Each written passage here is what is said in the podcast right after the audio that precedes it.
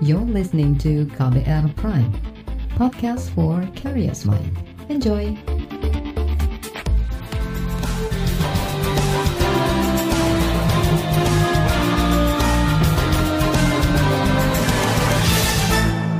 Disiarkan langsung dari studio kantor berita radio di Jakarta. Inilah KBR sore untuk hari ini edisi 28 September 2021. Halo selamat sore saudara, senang sekali saya kembali hadir sore hari ini dan seperti biasa, selama kurang lebih 30 menit ke depan saya siap untuk menjadi teman Anda beraktivitas di sore hari ini. Dan sore hari ini saya mau ajak Anda untuk membahas munculnya kasus COVID-19 saat pembelajaran tatap muka atau PTM terbatas di sekolah.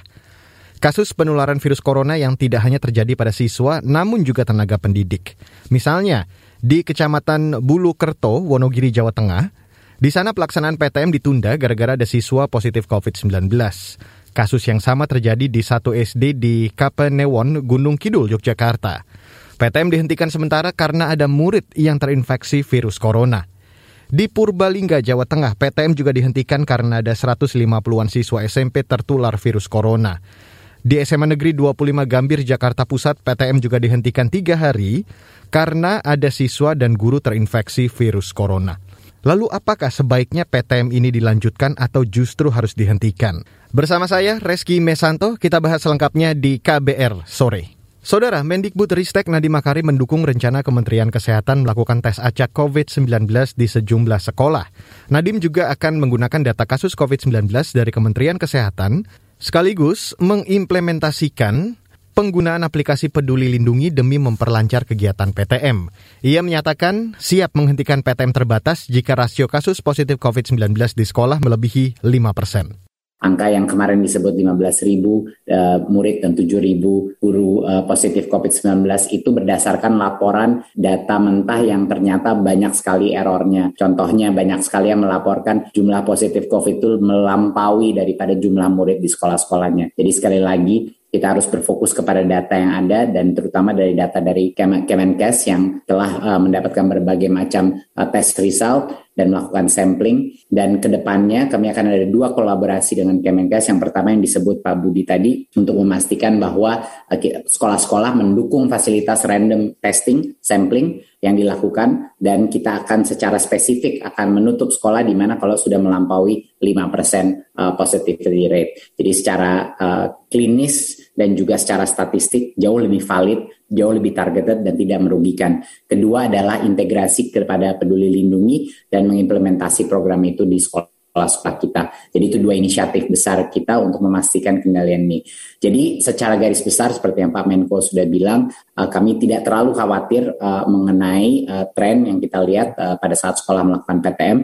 Saudara, Kemendikbud Ristek mendata ada lebih dari 490 ribu sekolah yang sudah diperbolehkan melakukan PTM terbatas. Sekolah-sekolah itu berasal dari 470-an daerah kabupaten kota yang berada di wilayah PPKM level 1 sampai 3. Meski begitu, Menteri Nadiem khawatir karena dari jumlah itu baru 40 persen sekolah yang melaksanakan PTM terbatas.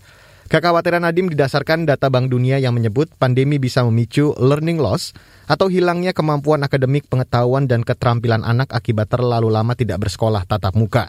Sementara itu, Menteri Kesehatan Budi Gunadi Sadikin mengaku telah diperintahkan Presiden Joko Widodo untuk melakukan strategi penanganan pandemi selama aktivitas PTM. Kementerian Kesehatan akan mendata jumlah sekolah yang melakukan PTM sekabupaten kota. Dan dari jumlah itu akan ditetapkan 10% sekolah yang akan menjadi sekolah uji coba pelaksanaan tes acak COVID-19. Kita tentukan di tingkat kabupaten kota berapa jumlah sekolah yang melaksanakan tatap muka.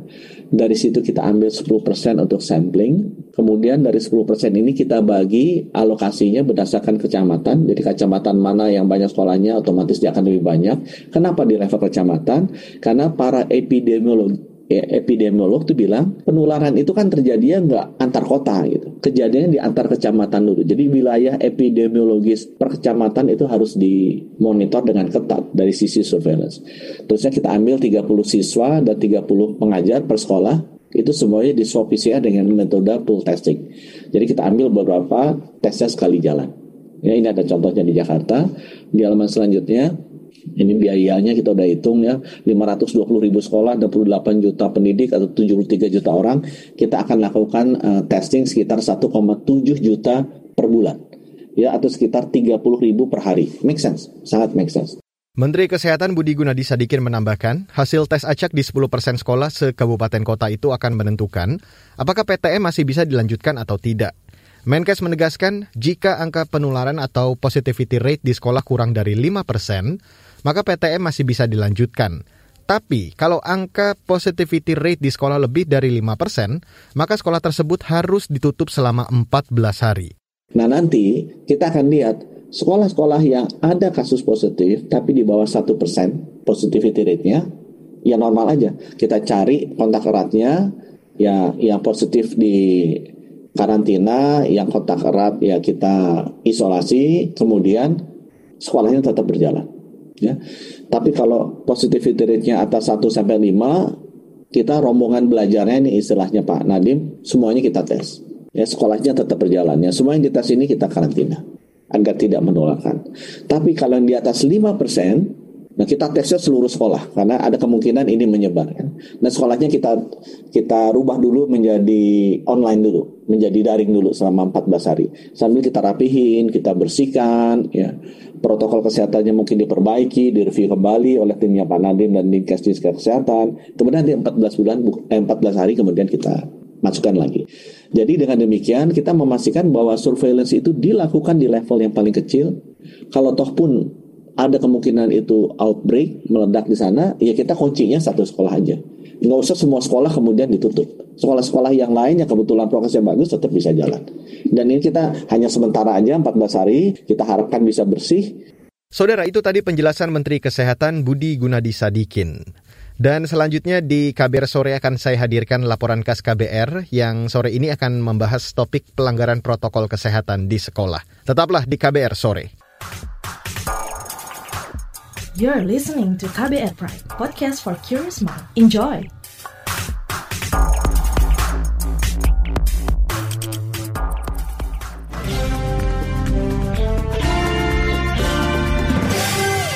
Saudara, ribuan siswa dan guru positif COVID-19 saat kegiatan pembelajaran tatap muka di sekolah.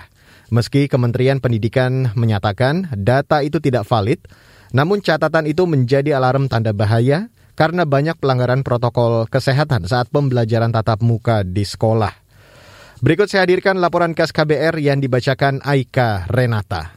Pekan ini, berbagai daerah mulai menyelenggarakan pembelajaran tatap muka di sekolah secara terbatas. Jauh hari sebelumnya, pemerintah sudah mewanti-wanti agar penyelenggara pendidikan menerapkan protokol kesehatan secara ketat pada guru dan siswa. Saat mengunjungi vaksinasi pelajar di SMA Wajo, Sulawesi Selatan awal September lalu, Presiden Joko Widodo sudah mengingatkan agar para guru dan siswa tidak sampai melepas masker.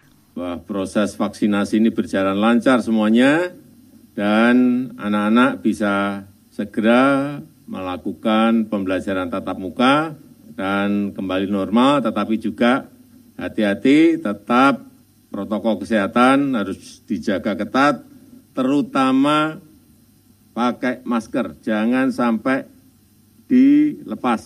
Ya, saya pakai masker sampai double. Pada praktiknya, penerapan protokol kesehatan secara ketat tidak semudah yang diucapkan.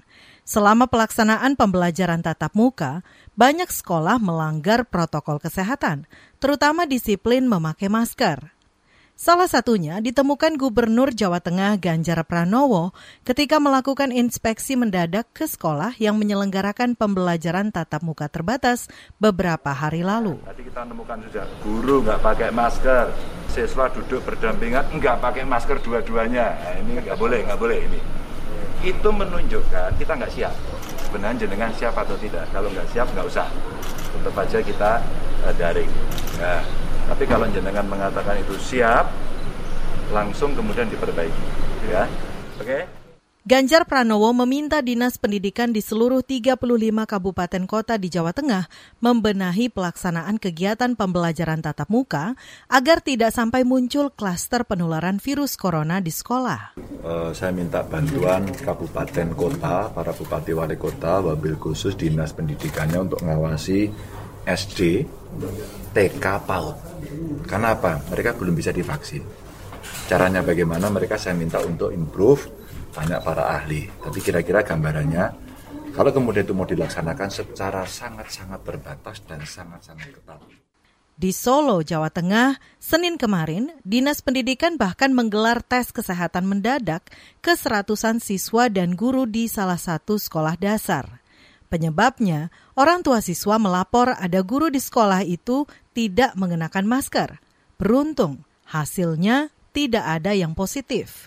Di Jakarta, pembelajaran tatap muka di salah satu sekolah dasar terpaksa dihentikan karena ada pelanggaran protokol kesehatan. Uh, yang dilanggar adalah pada saat pembelajaran uh, siswa ada, ada yang tidak menggunakan masker. Jadi maskernya itu turun, uh, misalnya di dagu begitu ya. Jadi ya itulah uh, kehilapan dari siswa kami karena pada dasarnya memang ini dalam taraf penyesuaian ya. Jadi baru katakanlah mulai tatap muka, namun ya mereka tuh barangkali di rumah tidak pakai kan. Itu tadi Siti Nurlaili, salah seorang guru di SDN 05 Jagakarsa. Wakil Gubernur DKI Jakarta, Ahmad Riza Patria, meminta semua pihak agar mematuhi protokol kesehatan secara ketat selama kegiatan belajar tatap muka. Ada SD 05 yang di Jagakarsa yang diberi ditutup sementara ya di tahap satu ini karena melanggar protokol kesehatan. Jadi semua sekolah harus patuh dan taat semua para guru, para orang tua, para pendidik, semua harus memahami aturan dan ketentuan dan juga dijaga anak-anak kita, siswa kita agar terus menatakan protokol kesehatan. Satuan Tugas Penanganan COVID-19 sudah berkali-kali menyampaikan anjuran disiplin protokol kesehatan di lingkungan pendidikan. Juru bicara Satuan Tugas Penanganan COVID-19, Wiku Adhisa Smito, meminta agar kegiatan pembelajaran tatap muka mengutamakan keselamatan anak didik. Selain itu, perhatikan juga peluang penularan di rumah, perjalanan, maupun saat kegiatan belajar mengajar berlangsung. Pastikan siswa dan tenaga pengajar secara disiplin mematuhi protokol kesehatan. Satgas COVID-19 juga memerintahkan agar setiap aktivitas di ruang publik, termasuk di satuan pendidikan, membentuk Satgas Protokol Kesehatan. Satgas ini bertugas mengawasi disiplin pakai masker, jaga jarak, dan cuci tangan di ruang publik. Laporan ini disusun Agus Lukman. Saya Aika Renata. Saudara, pelaksanaan PTM secara terbatas di sekolah terbukti memicu penularan virus corona tidak saja antar sesama siswa, tapi juga guru-guru mereka. Bagaimana respon Ikatan Dokter Anak Indonesia atau IDAI? Tetaplah di KBR sore. You're listening to KBR Pride, podcast for curious mind. Enjoy.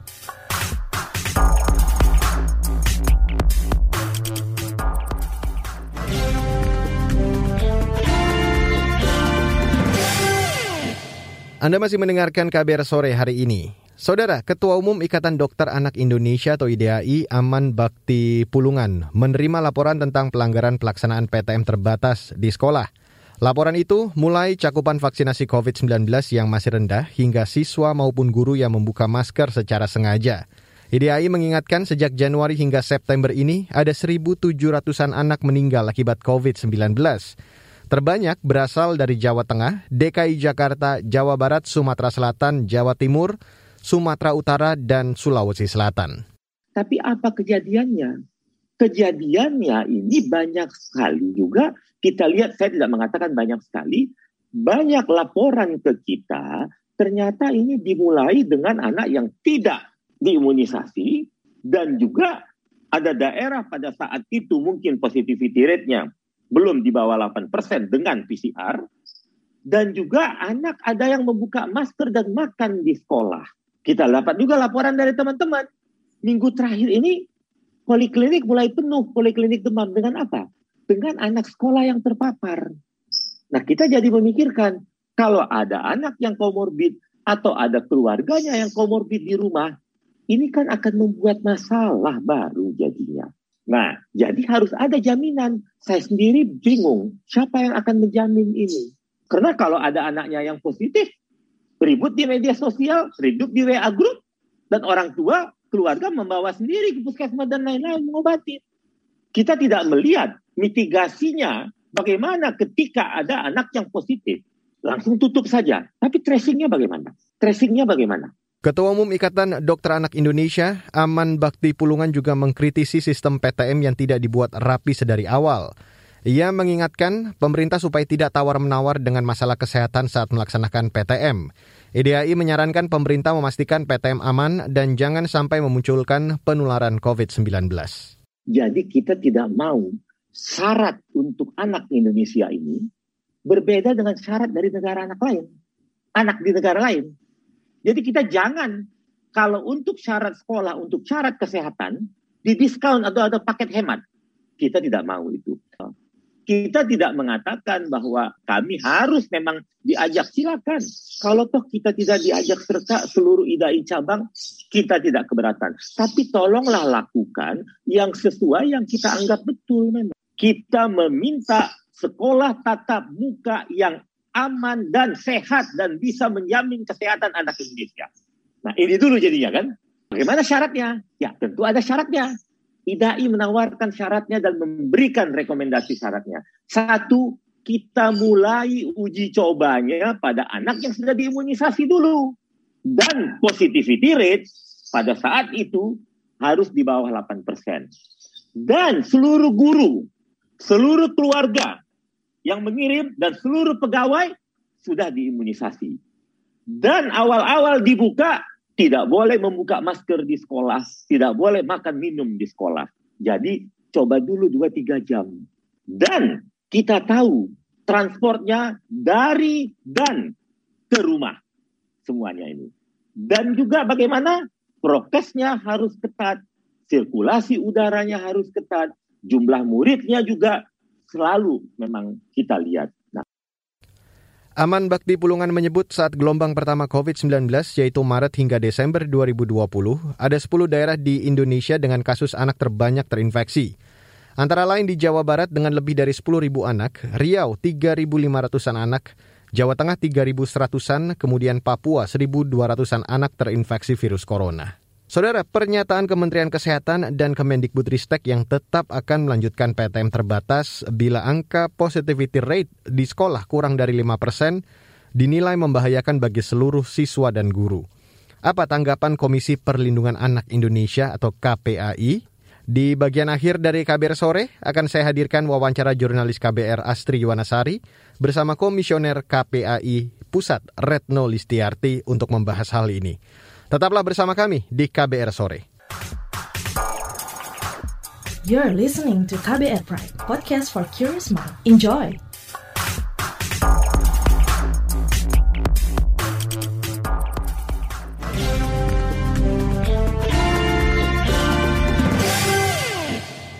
Dan inilah bagian akhir dari KBR Sore. Kementerian Kesehatan sudah menyiapkan tes acak COVID-19 kepada 10 persen sekolah se-kabupaten kota. Targetnya tiap bulan dilakukan pengetesan terhadap 1,7 juta siswa dan guru. Tes acak dilakukan untuk menentukan bisa lanjut atau tidaknya PTM terbatas di sekolah. Sayangnya, meski mengapresiasi rencana Kementerian Kesehatan itu, tapi Komisi Perlindungan Anak Indonesia atau KPAI mengingatkan, pemerintah seharusnya mencegah terjadinya klaster PTM sejak dari hulu. Dan untuk membahasnya, saya ajak Anda untuk langsung mendengarkan wawancara jurnalis KBR Astri Yuwanasari bersama Komisioner KPAI Pusat Retno Listiarti. Pemerintah akan menutup sekolah jika positivity rate melebihi 5%, Bu. Eh, menurut Anda seperti apa? Saya sih mengapresiasi ya kalau ada upaya-upaya dibicarakan apalagi di level presiden.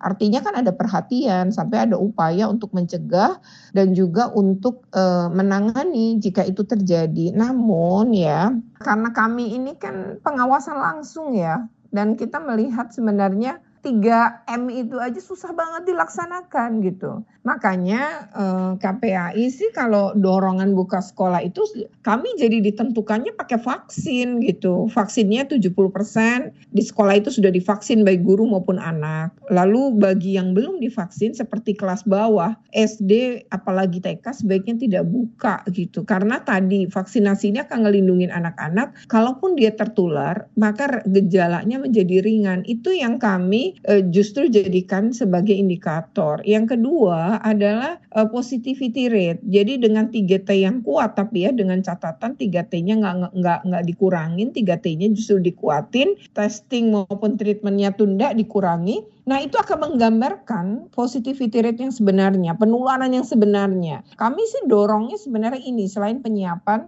infrastruktur. Nah, yang berikutnya yang agak sulit dikontrol, anak SD dengan TK kan perilakunya sulit dikontrol, belum pula divaksin. Kenapa dibuka? Sementara perguruan tinggi malah nggak dibuka, malah TK SD malah dibuka. Ini sesuatu yang kerap kali bagi kami agak aneh gitu. Bagaimana sih ngelindungin anak-anak ini gitu ya, orang belum divaksin. Terus 3T-nya juga mungkin di daerah tidak sama. Nah, ini yang kami dorong untuk dilakukannya berdasarkan positivity rate di daerah di bawah 5% dengan uh, vaksinasi tadi. Bagaimana pengawasan KPAI terkait kegiatan PTM terbatas yang sudah dimulai, Bu? Nah, saat kami pengawasan ke sekolah-sekolah, kami bang, banyak melihat pelanggaran 3M, termasuk cuci tangan loh. Kami datang setengah tujuh, anaknya itu masuknya, anak murid-murid itu jam tujuh ketika setengah tujuh kita duduk di dekat pintu gerbang untuk ngelihat uh, apa uh, anak-anak ini datang seperti apa. Nah ternyata nggak ada anak yang cuci tangan. Jadi datang masuk kelas, datang masuk kelas pakai masker sih, tapi tidak cuci tangan. Nah ini gimana protokol di situ kan harusnya dari luar ya, walaupun naik motor, naik mobil pribadi, apakah mestinya tetap sama ketentuannya yaitu masuk tuh cuci tangan karena dari luar mau ke dalam mau ke dalam kelas itu harusnya cuci tangan. Yang kedua adalah masker. Masker itu ditaruh di bawah hidung ditaruh di di dagu di ditaruh di leh apa gantung di digantung di leher itu banyak sekali. Nah ini oh, gimana gitu ya, terutama guru-guru SD loh justru. Jadi ketika saya datang, kemudian kok itu semua anak maskernya di dagu, begitu nengok ke depan gurunya lagi nerangin maskernya di dagu. Artinya 3M ini emang masih perlu diketatkan tuh ya. Jadi eh, perubahan perilakunya tuh belum ada, infrastruktur ada tapi perubahan perilakunya nggak ada. Ya ini untuk apa gitu dan yang justru bahaya Lalu sebaiknya apa yang harus dilakukan oleh pemerintah, Bu? Apakah harus ada pengawasan dari Satgas di tiap sekolah gitu misalnya? Ya menurut saya sih ya tentu saja itu diperlukan. Tetapi yang lebih diperlukan lagi kan penyiapan ya. Lima siap lah. Yang pertama siap itu daerahnya. Daerahnya siap nggak? Tadi penyiapan 3T-nya, nyiapin lain-lainnya gitu. Nah yang kedua adalah bagaimana penyiapan sekolahnya siap nggak? Jadi daerahnya harus siap, sekolahnya siap, gurunya siap, orang tuanya siap, anaknya siap. Jadi kalau salah satu nggak siap, ya nggak usah. Saudara, itu tadi Komisioner KPAI Retno Listiarti. Dan wawancara tadi sekaligus menutup kabar sore untuk hari ini, 28 September 2021. Terima kasih untuk Anda yang sudah bergabung sore hari ini dan jangan lupa untuk selalu menerapkan dan mematuhi protokol kesehatan. Dan untuk Anda yang belum mendapatkan vaksin COVID-19, segera datangi sentra vaksinasi terdekat karena melalui vaksin, Anda tidak hanya melindungi diri Anda sendiri, tapi tentunya juga Anda melindungi orang-orang yang Anda sayang. Mewakili tim redaksi yang bertugas sore hari ini, saya Reski Mesanto undur diri. Salam.